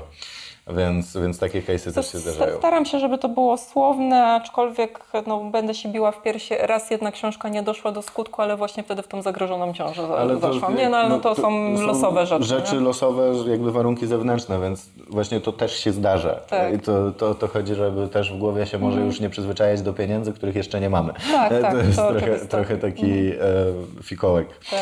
E, Okej, a powiedz mi proszę a propos właśnie pieniędzy. Nie będę Cię pytał o kwoty w ogóle, ani o nic takiego, bo Ty też zarabiasz w, mocno zautomatyzowany sposób, więc to działa u Ciebie Tak, troszeczkę tak. inaczej. Natomiast e, jeżeli chodzi o podejście do zarządzania tymi finansami Mhm. Twoimi, e, masz jakiś schemat albo jakiś taki swój sposób na to, jak to u Ciebie wygląda? Czy... Nie wiem, czy to jest u mnie standardowe, czy nie, bo nie czytałam żadnych badań na, te, na ten temat, ale tak jak rozmawiam z innymi osobami, czy to ze znajomymi, czy to z właśnie dziewczynami, które są moimi kursantkami, to wydaje się, że moje, e, moje podejście nie jest standardowe. A mianowicie, mm, od kiedy zaczęłam więcej zarabiać, nie wydaje mi się, żebym wydawała jakoś więcej pieniędzy e, z tego powodu, to czy, dobra, Pominam fakt, że zostałam mamą, no to wiadomo, że koszty życia są e, wyższe, kiedy pojawia się jeden dodatkowy członek rodziny, któremu ubrania, e, z których ubranie wyrasta co kilka miesięcy, nie? E, I e, więc tutaj na pewno koszty wzrosły, ale wiesz co, ja jestem taką zwolenniczką, że ja mam stałą wypłatę. Po prostu. I to, co gdzieś tam są jakieś nadwyżki finansowe, to staram się inwestować. I w tym roku miałam bardzo dużą nadwyżkę finansową ze względu na tą konferencję i też e, bardzo dużo osób do mojej Akademii WordPressa w tym roku e, dołączyło. No i miałam takie, wiesz, kilkaset tysięcy nadwyżki finansowej. E, lubię takie nadwyżki. Mm, No i się wiesz, zastanawiałam, co z tym zrobić, no bo kurczę, mamy gdzie mieszkać, mamy co robić, mamy po prostu, żyjemy na takim poziomie, na, na jakim nam wystarcza to. E, co z tym zrobić? No i zdecydowałam się zainwestować e, w nieruchomość. E, Okej. W Poznaniu takie, e, wiesz, e, to się nazywa chyba e, kondo hotel, coś takiego, że e, kupuje się na własność apartament w hotelu, który funkcjonuje jako hotel. Dla klientów to wygląda jak normalny, legitny hotel, tak? Tylko, że po prostu każdy apartament ma innego właściciela i e, razem z operatorem się dzielimy e, zyskami. Także mm, myślę, że to jest całkiem fajne podejście, bo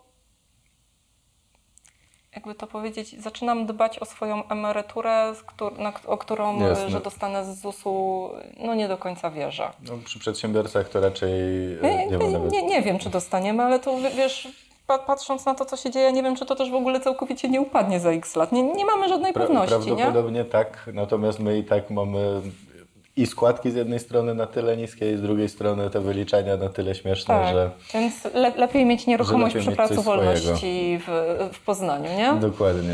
E, natomiast e, powiedz mi proszę, też dywersyfikujesz to w jakiś sposób, czy na Wiesz razie co, to, na są- razie, to na razie jest taka moja pierwsza Mhm. y, nieruchomość, ale w momencie, kiedy będę miała jakieś następne takie nadwyżki, to już się rozglądam gdzieś z jakimiś kolejnymi. Tak sobie myślę, może nad morzem, może w górach. Okej, natomiast jakby pytam o dywersyfikację, czy tylko właśnie chcesz iść stricte w nieruchomości, czy jeszcze w jakieś inne rzeczy, nie? Czy Mhm. Nie, wiesz co, na, na, na ten moment y, nieruchomości? nieruchomości. Myślę, że to też może być fajne, bo wiesz, ym, pierwsza jest w Poznaniu. Z tego powodu, że ja jestem z Poznania i wydaje mi się to, wiesz, o tyle bezpieczne, bo znam region, zna, znam okolice, wiem, że w tym miejscu, nawet jakby coś nie wyszło z operatorem, to jestem sam w stanie sama to wynająć i nie będzie żadnego problemu. Ale już następne myślę, że odważyłabym się gdzieś dalej i byśmy mieli jeszcze może jakąś wiesz, des- destynację z fajnym pobytem właścicielskim e, ogarniętą. No. Ja tu tylko jeszcze zaznaczę tak dodatkowo, że z tymi kondohotelami to trzeba bardzo uważnie Jest problem, sprawdzać, tak, bo tak. to naprawdę bywa różnie, bardzo od, różnie. y, dokładnie. Ja od dwóch lat robiłam research, y, szukałam i tak dalej. y, Także to, to też nie jest coś, co przyszło raz, dwa i no tutaj jest, można było cały odcinek ze specjalistą Tak, od, te- dokładnie. od Znaczy, zrobić, ja, tutaj tylko zaznaczam, żeby ktoś sobie nie wziął, a o, okej, Od razu biorę to od pierwsze razu lepsze. biorę pierwsze lepsze. Dziękuję, tylko- że to zaznaczyłeś. Tak, tam trzeba naprawdę zrobić duży research Tak. dogłębny i sprawdzić sobie firmę, sprawdzić Tak, sobie bo wszystko, za, zaczęło coraz więcej też takich e, inwestycji powstawać. I to w różnych miejscach, które mogą wcale nie, nie dać jakiegokolwiek Raz, że powstawać, a dwa, że upadać. I to Mhm. całkiem sporo od 2017 roku, Tak. więc e, stąd ja to zaznaczam, że warto ten research jednak zrobić, a nie wziąć sobie, a okej, dobra, to, Dokładnie. to idę, nie? E, Okej, a jeżeli chodzi o jakieś tematy takie związane z poduszką finansową na przykład, tak żeby trzymać coś po prostu w gotówce, czy... No, oczywiście, musi być. Musi Poduszka być. finansowa musi być. E, Z mężem mamy takie podejście i to jest bardzo ważne podejście. Jeśli nie stać nas na coś, żeby kupić dwie takie rzeczy, to jej nie kupujemy. Okej, I uważam, że to jest bardzo, bardzo dobre podejście. Yy, I dzięki temu tak naprawdę nigdy, wiesz, żadne długi nie weszliśmy, yy, bo nie kupujemy rzeczy, na jakich nas nie stać, po prostu. Yy, I też yy, ja też w swoim biznesie, fa- fajnie, że o, o te pieniądze pytasz, ale też w swoim biznesie jestem interaktywna. Moja inwestycja w tego bloga to było 200 złotych. I to było 200 zł, które było inwestycją w pierwszego e-booka na korektę. No bo produkt płatny korektę musi mieć. jasne. E, u profesjonalnych korektorów, redaktorów, no, te koszty są znacznie wyższe. No ale ja znowu miałam to podejście, nie chcę wtopić, nie wiem co z tego będzie. E, I moja mama jest nauczycielką i zapytała nauczycielki języka polskiego w swojej szkole, czy by mi mogła sprawdzić. E, Na umowę o dzieło się rozliczyłyśmy, wszystko wiesz, zgo- e, zgodnie z prawem. Ona poświęciła na to dwa wieczory, za które dostała 200 zł i ona była przeszczęśliwa, że Jezus Maria, 200 zł za dwa wieczory, a ja mówię, 200 zł za korektę, nie? Po prostu obydwie byłyśmy tak szczęśliwe, nie? No to... e, Różne perspektywy. No, róż, różne perspektywy to były, nie? E, Teraz już wiesz, też mam możliwości finansowe, żeby profesjonalistów za, za, zatrudniać do tego typu e, prac korektorskich, e, ale no to wiesz, były początki i to też pokazuje, że da się wystartować z tym biznesem niskokosztowo i mało tego warto, bo wtedy jeśli po pierwsze nie, nie uda się, bo nie wiem, finansowo powiedzmy się nie zepnie, albo nie spodoba nam się, albo do cokolwiek innego, to nie wtopiliśmy. To wiesz, trochę jak z siłownią, nie? Ktoś chce pójść na siłownię, a to trzeba karnet na rok, może od razu wezmę. No ale moje buty to są do biegania, to nie są takie na siłownię, to nowe kupię. Tak, to jeszcze, no ale te getry to mają napisane run, nie, to teraz musi być fit, nie wiem, gym napisane. Yy, No to jeszcze nowy topik wezmę i w ogóle. I wiesz, i wychodzi tysiak, yy, jeszcze pewnie z tymi karnetami znacznie więcej. Idziemy pierwszy raz na siłownię i okazuje się, kurde, tak się lampią na mnie ze wszyscy. Nie, no nie To ja już nie chcę. się. Nie, ja jednak tu nie pójdę, nie? Ale tysiak w kieszeni. Tak samo jest z biznesem online, nie? Dokładnie. Pójdźmy, poszukajmy siłowni, która ma takie pierwsze wejście za free. Weźmy e, z szafy te ciuchy, buty, które już mamy. Pójdźmy, zobaczmy, czy nam pasuje. Jak nie, to więcej nie pójdziemy, nic nie straciliśmy, nie? Dokładnie tak. E, właśnie, z jakimi też klientami pracujesz? W sensie, y, bo teraz uczysz głównie, Mhm. ale jacy, jakie klientki czy jacy klienci kupują od Ciebie kursy, czy jakie branże na przykład próbują w, ten, w tę stronę online iść? Mhm. Mam bardzo dużo rękodzielniczek, mam bardzo dużo osób z branży takiego rozwoju osobistego, szeroko pojętego e, i mam jeszcze bardzo dużo wirtualnych asystentek i osób, które w marketingu pracują, Okej. e, w social mediach, więc to są takie główne, główne e, branże, których mam najwięcej osób. Tak jak, e, wiesz co, mam taki zamknięty program mentoringowy, subskrypcyjny, mam w nim e, 500 dziewczyn.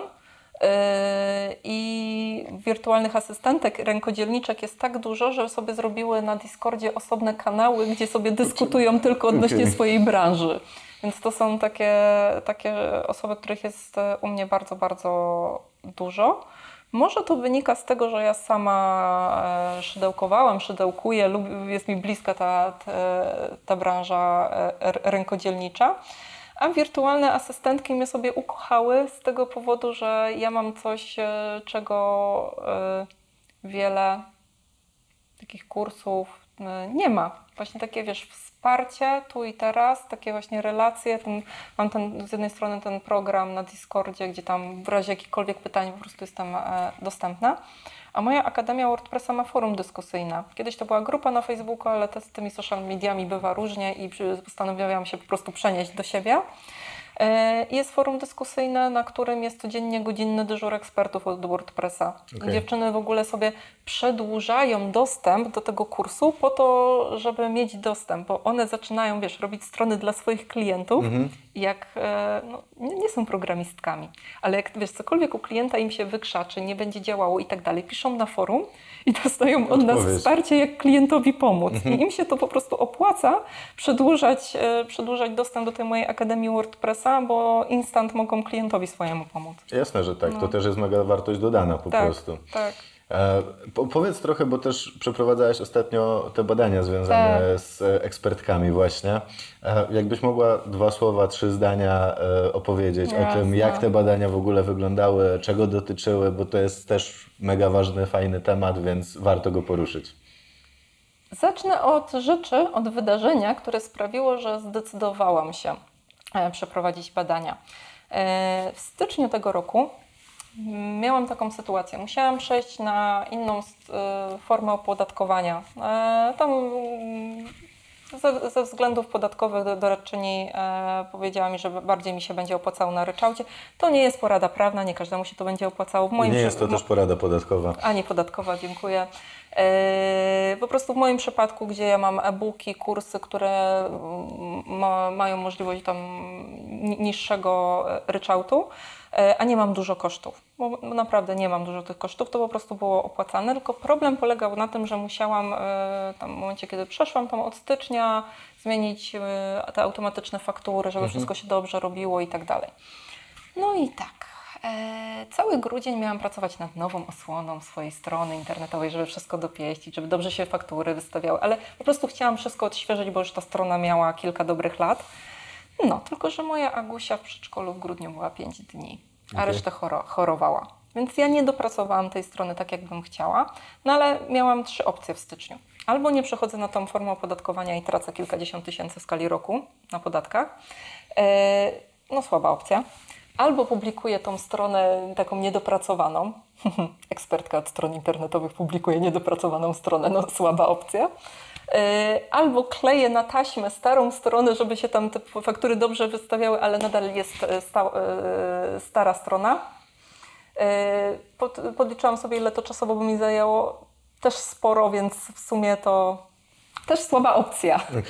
E, No i mój perfekcjonizm, kurczę, co ja mam zrobić?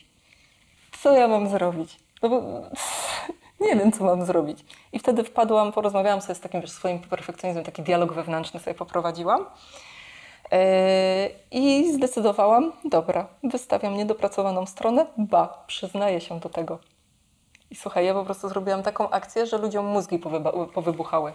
Słuchajcie, wrzuciłam niedopracowaną stronę, robimy akcję szukania błędów u gościniakowej. Przyznałam się do tego. To było, wiesz, a propos tego, co też rozmawialiśmy, boisz się czegoś, przyznaj się Przyznaj do się tego. do tego, no. Słuchaj, przez dwa dni na moją stronę weszło kilkanaście tysięcy osób. Dostałam 40 stron, jak sobie potem powklejałam w Wordzie, takich A4, małym fontem, yy, wiesz, nie powtarzających się błędów do poprawy. Ale w momencie, jak je dostałam, to ja w dwa dni je potrafiłam wprowadzić. Bo to Bo były często jakieś, wiesz, literówka, tu coś tam i wiesz, po prostu leciałam po kolei. Dobra, zrobione, zrobione, zrobione. Ja bym przez pół roku nie znalazła tych wszystkich błędów. Jeszcze dziewczyny tu mi coś sprawdzały, tu to patrzyły. Jakieś, jakaś jedna była prawniczką, regulamin mi jeszcze sprawdziła, wiesz, po prostu to, to był szok, ale hitem było, dostałam kilkaset wiadomości, wiesz, y, osób, które mi znalazły te błędy i w tych wiadomościach było Ola, rozwaliłaś system. Ty pokazałaś, że ekspert nie musi mieć wszystkiego idealnie. Ty w moich oczach nie straciłaś jako ekspertka, tylko zyskałaś. To znaczy, że ja nie muszę bez butów chodzić, nie? Jak, jak, jak szewc, nie? Mm, To znaczy, że ja też mogę się czasami pomylić, czasami czegoś nie zrobić dobrze. I to nie będzie mi ujmowało. I po prostu tego typu, praktycznie w każdej wiadomości dziewczyny pisały dziękuję, nie? Że zwolniłaś, mi- zdjęłaś mi taką presję z ramion. Przecież no, wie- wiesz, czasami szewc, nie? Ma, ma taką presję, że jego buty muszą być idealne, że woli na boso chodzić, nie? Żeby ktoś nie skomentował, że o coś jest nie tak, nie? Więc y, i to mi pokazało, jak bardzo te wiadomości od dziewczyn, widzisz, w ty, tylu kluczowych momentach mojego życia te wiadomości od dziewczyn nie były ważne. I one mi pokazały, że jak bardzo blokujący jest ten perfekcjonizm, jak bardzo to może innych e, stopować w działaniu. Przecież mnie prawie zastopowało, żeby ta strona nie powstała w ogóle. się bardzo mocno zamykamy, nie? Często Mm. na takiej zasadzie właśnie, że teraz jeżeli ja mam budować wizerunek eksperta albo być tym ekspertem, to teraz Tak. ja nie mam prawa popełnić żadnego błędu. Tyle, że to jest totalny bullshit, bo realia są takie, że Jesteśmy nikt z nas ludźmi. nie jest idealny i nie da się nie popełniać błędów, niezależnie od tego, jak dużą wiedzę Co robi mamy. ekspert? Wyciąga wnioski z popełnionych jest. błędów, a nie ich nie Dokładnie. popełnia. Gdyby Dokładnie nie popełniał błędów, nie byłby ekspertem. Nie? Bo Na czym by się uczył? nie da się uczyć tylko na cudzych błędach. Trzeba niestety na swoich też, No, więc... Najważniejsze lekcje się wtedy wyciąga. No dobra, ale to I- wracając do tego I, I raportu. teraz skąd ten raport? Yy, przyszła do mnie ta moja PR menadżerka, którą yy, zatrudniłam i mówi... Tutaj mamy też No, raport, tak, o, jest. tak wygląda, także polecam się Przyszła zapoznać. do mnie moja PR menadżerka i powiedziała: Wiesz co, Ola, zróbmy raport, sprawdźmy takie postrzeganie kobiet. To, czy, to nawet nie było wtedy na tamtym etapie kobiet, bo ja nie chciałam tylko kobiet sprawdzać, ja chciałam e, przekrój wszystkich. E, ale za, zaraz do tego wrócę tematu. I mówi, że no sprawdźmy poczucie eksperckości innych. E, Jak oni się odczuwają, jak to wygląda i w ogóle. Ja mówię, Ewelina, ja? Raport? Raport przecież robią renomowane firmy, profesjonaliści, eksperci, nie? Potem tak sobie myślę, aha, dobra, dlatego jest potrzebny ten raport. Okej. nie? Od dziewiątego roku życia zaczęłam strony, nie? E, no, Wtedy może nieświadomie, ale no ponad 20 lat robię strony. Mam, wiesz, wykształcenie branżowe, tyle lat doświadczenia. E, Łącznie e, przeszkoliłam ponad 60 tysięcy osób. I ja uważam, że ja, i, i, i wiesz, i do mnie wpadło to, że ja nie, nie, nie jestem wystarczająca, żeby zrobić jakiś raport. Raport. Ja wtedy, I wtedy odpisałam do Eweliny, robimy to. To jest potrzebne. To, skoro wiesz, mnie to dotyczy, to, to jest coś, co ja wiesz, słyszę. Jeszcze wtedy właśnie te wiadomości zaczęłam dostawać z, przy tej akcji od dziewczyn. Zróbmy to. E, I teraz tym długim off-topem backgroundu mogę przejść e, Do do, tego raportu. raportu. E, Raport e, ankietowałyśmy, e, raport jest w ogóle w przygotowaniu z Janiną Bąk, e, myślę, że najbardziej znaną polską statystyczką.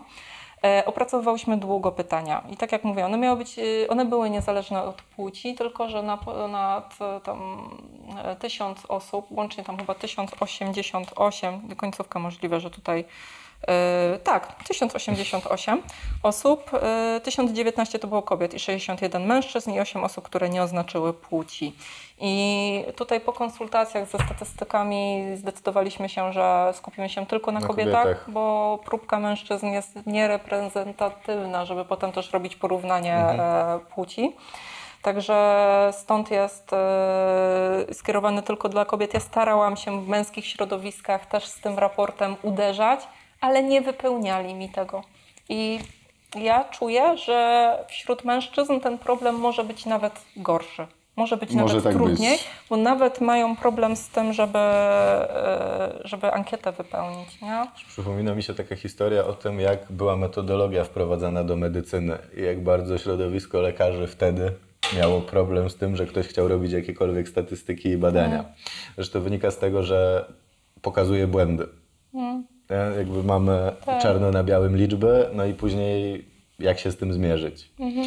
E, Więc Dokładnie. wracając, jakie mamy wnioski z tego Wnioski raportu? mamy takie, słuchajcie, w badaniu wzięło udział dziewię- 90, ponad 90% kobiet było z wykształceniem wyższym, także doktorskim. E, Koło połowa z nich miała więcej niż 10 lat doświadczenia, więc e, osoby, które brały w tym, y, były też głównie z większych miast, e, tak e, jeśli chodzi o demografię, 31 do 40 lat. I główne takie branże to był marketing, biznes, rozwój osobisty, rękodzieło. I były albo na etacie pracowały, albo na własny rachunek. I dlaczego ja o tym mówię? Dlatego, że te rzeczy, właśnie ta demografia, ta metryczka jest o tyle istotna, że ona pokazuje problem. Yy, bo mamy tutaj yy, ponad te tysiąc osób i na ponad tysiąc osób zadałyśmy takie pytanie, jak oceniasz siebie jako ekspertkę w takiej skali szkolnej od 1 do 5? Właśnie, to zagadkę zadam. Jak myślisz, ile, ile kobiet się oznaczyło, że jest ekspertką na 5? Myślę, że Tyś, 1019. no nie podam Ci liczby dokładnej, ale celowałbym między 5 a 10% max. Mhm. 11. No, co, No, coś 100, w ten 120, deseń. 121 kobiet tylko e, jako ekspertka na 5 się uznało. I to, to już mi dało ciarki. Ale jeszcze większe ciarki, bo były też tutaj pytania otwarte. Ja sobie tak tutaj będę Jasne. e, kartkować, bo chciałabym po, przeczytać. E, Poszukałyśmy, jak w pytaniach otwartych, co napisały osoby, które oznaczyły się jako ekspertka na 5. Czy one rzeczywiście, wiesz, takie są, hop, siup, tak, jestem ekspertką Jasne. na 5, super, nie? Kobieta, lat 42, biznes, finanse, ekonomia. Powiedziała, mam wiedzę i doświadczenie, ale umniejszanie sobie blokuje mnie przed szerokim pokazaniem tego. Więc mimo, że ona zdaje sobie sprawę, to i tak blokuje się. Kolejna, po zastanowieniu jestem ekspertką, ale na co dzień nie postrzegam się w takiej kategorii. Więc y, kobieta to była lat 43 w językach obcych. Yy, no, więc to były, okazało się, że te 120 osób, które oznaczyły się jako piątkę, też, na piątkę też wcale nie są jakoś, wiesz, pewne siebie. I tak i tak mają problem, żeby działać. I też pytałam o konkretne obawy, co dziewczyny blokuje w tym, żeby zarabiać online, żeby jako, ekspert, jako ekspertki. No i co mieliśmy? Już dokładnie powiem procenty. 64 krytyka, podważanie kompetencji, 62 perfekcjonizm. E, no, To są najczęstsze problemy. to są najczęstsze. Perfekcjonizm w ogóle, wiesz co, ja przeczytałam takie ważne słowa, to tak naprawdę jest utajona obawa przed krytyką kompetencji, bo wszystko próbujemy Tak. zrobić tak perfekcyjnie, żeby nikt się nie przyczepił, nie? Trochę tak. Z drugiej strony nie bierzemy pod uwagę tego, że tak naprawdę e, środowisko internetu nie jest naturalne dla ludzi. To Mhm. znaczy, to jest coś, co powstało 20 lat temu, my się jeszcze w żaden sposób, powstało może trochę Tak. dawniej, ale jakby ten najinten, a najintensywniejszy rozwój trwa od 20 lat. My się jeszcze absolutnie do tego nie przyzwyczailiśmy w żaden sposób.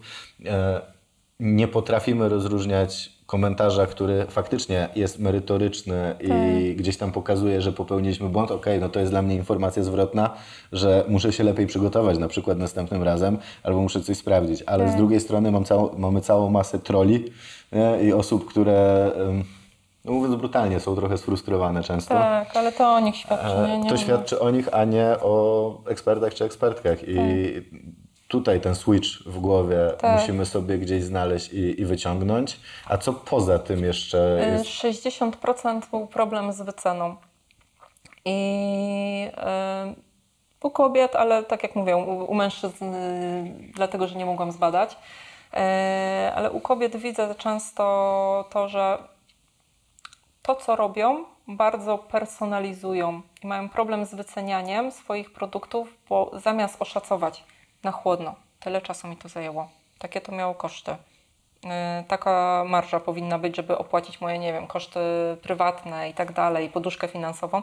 Zamiast sobie to wiesz, oszacować, ile czasu na to poświęciłam i tak dalej, ale też jeszcze można brać pod uwagę zasobność portfela grupy docelowej. No, no jest, Jest takich strategii wyceny, tak. tak?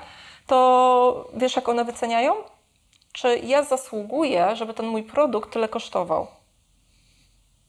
I tu jest pies pogrzebany, dlatego one mają problem z wyceną, bo cały czas wydaje, nie, no, tyle za dużo, na tyle nie zasługuję. I, i to, to jest smutne. Ja nie chcę tego ekstrapolować na mężczyzn, ale myślę, że sporo mężczyzn ma też e, podobny problem, No. Dlatego, dlatego ja chodzi. mówię, że ja uważam, że ten raport jest uniwersalny. On skupia się na kobietach, bo nie mogłam e, Inaczej. inaczej. po prostu, ale według mnie to jest uniwersalne, bo też e, wielu mężczyzn już przeczytało ten, ten raport i też mi dziękują za niego. No może ewentualnie dział dotyczący macierzyństwa e, i ciąży nie, nie jest e, tak łatwy do przełożenia, Jasne. ale pozostałe rzeczy jak najbardziej. Ja też mega polecam, żeby się zapoznać. No i sprawdzić sobie te statystyki. Tak, bo tak. Ra- raport jest bezpłatnie do pobrania u mnie na stronie olagościniak.pl, także to nie jest projekt komercyjny. E, Też można go zdobyć na wielu różnych branżowych wydarzeniach. Też z własnej kieszeni wydrukowałam 5 tysięcy tych raportów i na, różne, na, na różnych wydarzeniach będzie można je zdobyć. Mam takie wrażenie, że znowu to, co nam wybrzmiewa najbardziej z całego tego wywiadu, to to, że cały czas potrzebujemy bardzo dużo pracy nad mentalem. Nad, nad tym, Tak. jak my w ogóle sami do siebie podchodzimy, nad tym, co o sobie Tak. uważamy, jakie mamy stereotypy, jakie mamy postrzeganie rzeczywistości i te naleciałości wszystkie, które Tak. gdzieś zostały wpompowane przez środowisko. No i, no i teraz e, w związku z tym, jeżeli chcemy coś więcej robić, no to musimy nad tym mocno pracować. Mhm, dokładnie.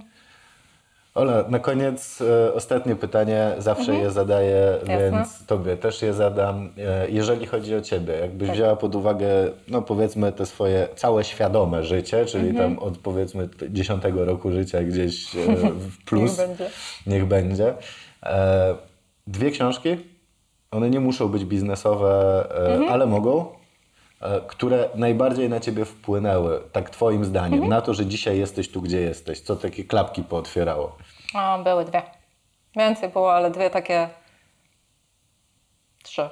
No to dawaj trzy. trzy. To dawaj Tak, trzy. mogę? Możesz, Dziękuję. dawaj trzy. No to e, pierwsza potęga kiedy? E, Ona była dla mnie odkrywcza z tego powodu, że ja zawsze myślałam, że mam problem z bezsennością, bo w wakacje wstawałam o czwartej i wiesz, na siłę się kotłowałam w tym łóżku, żeby spać. O Boże, nie mogę spać, mam problem z bezsennością i tak dalej. A w książce dowiedziałam się, że jestem wśród 20% społeczeństwa, które jest e, najbardziej błogosławione, bo e, wstają razem ze słońcem i są od razu, wiesz, wyspane, gotowe do pracy. I zaczęłam to przekuwać w to, że w wakacje po prostu piszę książkę od czwartej do siódmej, a od siódmej spędzam czas z rodziną nad jeziorem, e, odpoczywając, a jestem już po Jasne. pracy. I wiesz, nie biczuję się, że nie mogę spać. I w drugą stronę, nie prowadzę webinarów wieczornych, bo z kolei się, wiesz, jak, śnie, jak śnięta chodzę wi- wieczorami. I zaakceptowałam to. Dzięki tej książce, wiesz, zaakceptowałam to, jak mam i zaczęłam też dzięki temu bardziej produktywnie pracować, tak w zgodzie ze sobą, swoim rytmem dobowym. Mm, I to było dla mnie bardzo odkrywcze. Druga książka to jest Bogaty albo Biedny, po prostu różni mentalnie. I w tej książce właśnie przeczytałam e, takie zdanie, które było bardzo dla mnie odkrywcze. Ja miałam, e, miałam problem, e, to co powiedziałam, że nie potrafiłam zarabiać więcej niż 3000 zł miesięcznie. I to było, wiesz, spowodowane tym, żeby nie chciałam być uważana jako chciwa, ale już nawet nie chodzi, wiesz, z zewnątrz. Nie chciałam sama siebie uważać jako chciwa. Co z tego, że to było, wiesz, 3000 brutto, nie, ZUS i tak dalej, w sumie dużo nie zostawało. To były, wiesz, te początki mojej Ja firmy, wiem, nie? wiem, wiem, wiem. Eee, A w tej książce przeczytałam, że pieniądze nie zmieniają ludzi. To było dla mnie istotne, bo wiesz, Obnażają. w Polsce mówi się, wiesz, pieniądze szczęścia nie dają, albo pieniądze zmieniają ludzi, tak się mówi. I ja w to wierzyłam, a to jest bullshit po prostu. Eee, Jeśli człowiek jest dobry i ma pieniądze, jest bardziej dobry. Dlaczego? Bo ma narzędzie, żeby Dokładnie. udzielać się charytatywnie, żeby zatrudniać, robić wiesz, jakieś miejsca pracy, żeby wydrukować 5 tysięcy sztuk raportu, tak? Yy, I to mi bardzo pomogło. Ja dzięki temu jestem w stanie w skali roku kilkadziesiąt tysięcy złotych dać, wiesz, na jakieś fajne cele, żeby coś takiego dobrego zrobić. Zrobić, dokładnie. Wcześniej nie mogłam, tylko siedziałam od rana do wieczora, wiesz, sfrustrowana, pro bono robiąc strony internetowe. I komu życie zmieniłam 10 osobom. No hał. Świetnie, nie? Większe narzędzia, A, większe a, a możliwości. teraz nie? mam po prostu większe możliwości. Raport już pobrało kilka tysięcy osób. e, Jest rozdawany na różnych wydarzeniach i choć, chociażby dzisiejszego dnia 10 osób do mnie napisało już na priv, że Ola, dzięki Tobie zaczęłam działać online. Zobacz, wczoraj zrobiłam webinar jednego dnia, tak? Więc y, to było dla mnie istotne, że dzięki tym pieniądzom nie będę musiała się wiesz, martwić o takie zabezpieczenie finansowe, o wyżywienie, mieszkanie i tak dalej, tylko ja to wszystko będę miała zapewnione i będę mogła patrzeć szerzej. E, I to była taka rzecz. A trzecia książka jest, e, nie pamiętam dokładnie tytułu, na pewno jest Intryguj i tam jest jeszcze jakiś dopisek, ale sam, e, sam Horn ją napisała. E, więc myślę, że potem e, będzie łatwo e, znaleźć. I ta książka e, pomaga tak wyjść do ludzi, tak wiesz, zaintrygować tym, co się robi, ale też e, tam jest dużo takich wątków, jak e, rozmawiać z innymi na konferencjach, e, gdzieś tam w kuluarach. Ja jako introwertyczka, przynajmniej się tak zawsze po- postrzegałam, Teraz na, jestem na etapie sprawdzania wszystkiego, co myślę o sobie, czy to jest na pewno, wiesz, prawda, czy nie Prawda. jakieś przekonania. E, ale wiesz, e, to mi dało takie narzędzia do tego, żeby łatwiej nawiązywać fajne, wartościowe relacje z e, innymi osobami. To było, to było coś takiego też ważnego, bo dwa lata temu ją jakoś przeczytałam. Okej, super. Czyli polecamy te trzy książki. Tak. Jedna Bogaty, biedny po prostu różni mentalnie, druga Potęga kiedy Tak. i trzecia Intryg- Sam Horn Intryg- Intryguj Dokładnie. z jakimś dopiskiem. Coś tam jeszcze jest w tym tytule. To się znajdzie. E, dziękuję Ci, Ola, bardzo za Dzięki. możliwość przyjechania, nagrania tego wywiadu, za to, że się podzieliłaś swoim doświadczeniem e, i też tą swoją stroną taką bardziej pracy nad sobą, która Mhm. tutaj e, została wykonana w tym ostatnim czasie. Myślę, że to może pomóc też wielu osobom. Także bardzo Ci dziękuję za obecność. E, Dzięki. Dziękuję Wam za dotrwanie do końca. E, No i cóż, dajcie znać, co wyciągnęliście z tego filmu dla siebie w komentarzach. Jeżeli Wam się materiał podobał, wrzućcie jakiegoś lajka, e, wrzućcie subskrypcję i ten dzwoneczek sobie kliknijcie, bo takich materiałów będzie jeszcze całkiem sporo na tym kanale. Oli Instagram też jest e, w opisie, także można sobie przejść bezpośrednio i po, poobserwować, czym się Ola zajmuje bardziej na co dzień. I do zobaczenia, mam nadzieję, przy okazji kolejnego filmu, kolejnego wywiadu. Cześć! Cześć.